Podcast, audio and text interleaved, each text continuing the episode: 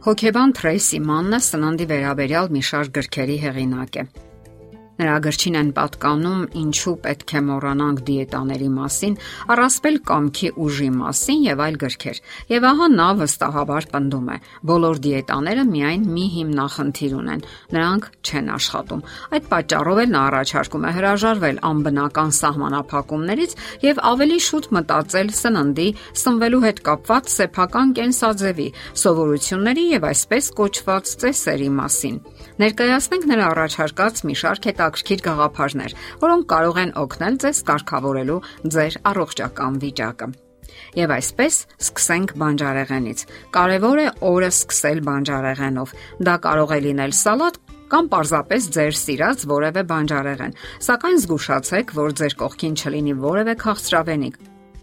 Եթե ընտրություն լինի բանջարեղենի կամ ասենք փափուկ կամ խրթխրթան բուլկո միջև, դուք հաստատ կպարտվեք։ Թրեյսի Մաննը ճշտում է. մնացեք միայնակ բանջարեղենի հետ։ Օգտակար սնունդը աչքի ընկնող տեղում։ Ինչ է սա նշանակում։ Այն պետք է լինի ձեր աչքի առաջ։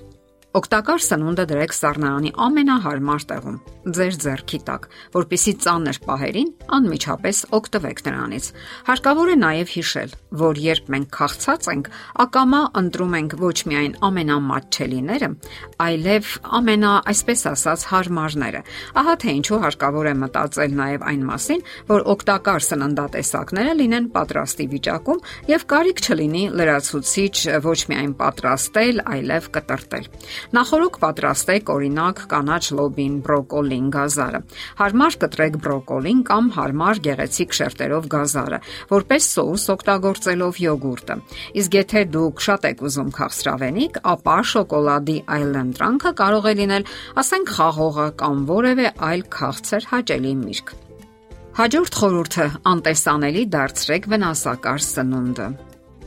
Եթե չեք կարող ընդհանրապես հրաժարվել վնասակար սննդից, ապա այն տեղավորեք անթափանց տարաների մեջ։ Հետաքրքիր փորձ է անցկացրել Google ընկերությունը։ Մատչելի տարածքում գտնվող կոնֆետները նախկինում գտնվել են թափանցիկ տարաներում, իսկ ահա փորձի ժամանակ դրանք տեղավորել են անթափանց եւ ամուր փակվող տարաներում։ 7 շաբաթ տևող փորձի ընթացքում աշխատակիցների օգտագործած կալորիաները նվազել են 3 միլիոն կալորիայով։ Այլ կերպ ասած, որքան հնարավոր է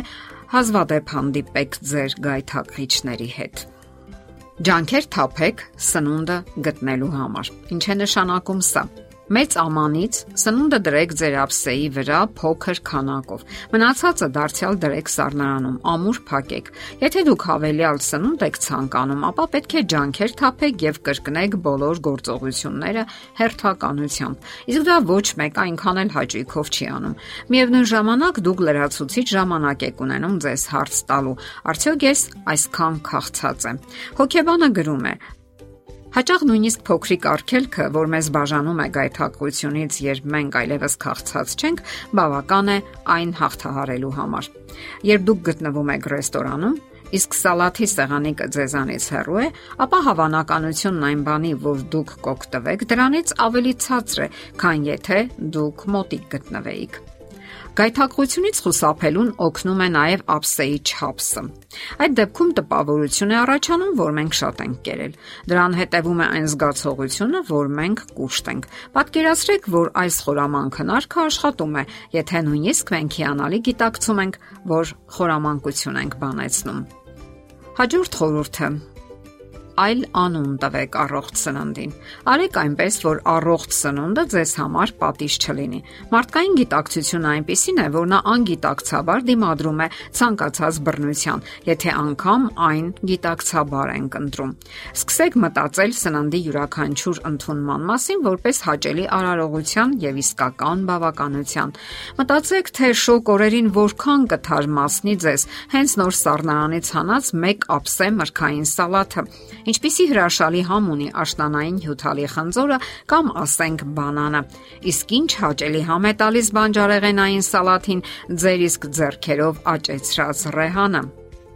Գայթակղություններին հարկավոր է վերաբերվել իրատեսորեն։ Եթե դուք գիտեք, որ գնալու եք այնպիսի վայր, որտեղ լինելու են համեղ, սակայն ոչ այնքան օգտակար ճաշատեսակներ, ապա նախորոք մշակեք ձեր վարքագիծը։ Սակայն այդ ծրագիրը չպետք է ճնշի ձեր բնական ցանկությունները։ Իմաստ չունի այսպիսի վճռական հայտարարություններ անել։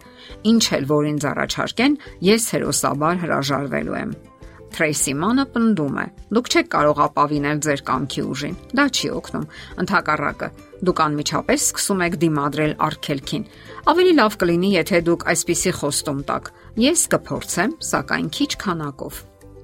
Կումները հաղթահարելու համար կարելի է ուշադրություն դարձնել մթերքների համերին, բույրերին ու գույներին։ Դա կօգնի, որ ավելի արագ հագենակ սննդի փոքր քանակով։ Ընդհանուր առմամբ մտածեք ձեր բնավորության մասին, ճանաչեք ձեզ, ձեր թուլությունները եւ մարդկային անկատարությունը, ձեր հոգեկան աշխարհը, հոգեբանական նրբերանգները։ Դա կօգնի ձեզ լինելու իսկապես առողջ, թե հոգեբանորեն եւ թե վերջապես ֆիզիկապես։ Եթերում է առողջ ապրելակերպ հաղորդաշարը։ Հարցերի եւ առաջարկությունների համար զանգահարել 033 87 87 87 հեռախոսահամարով։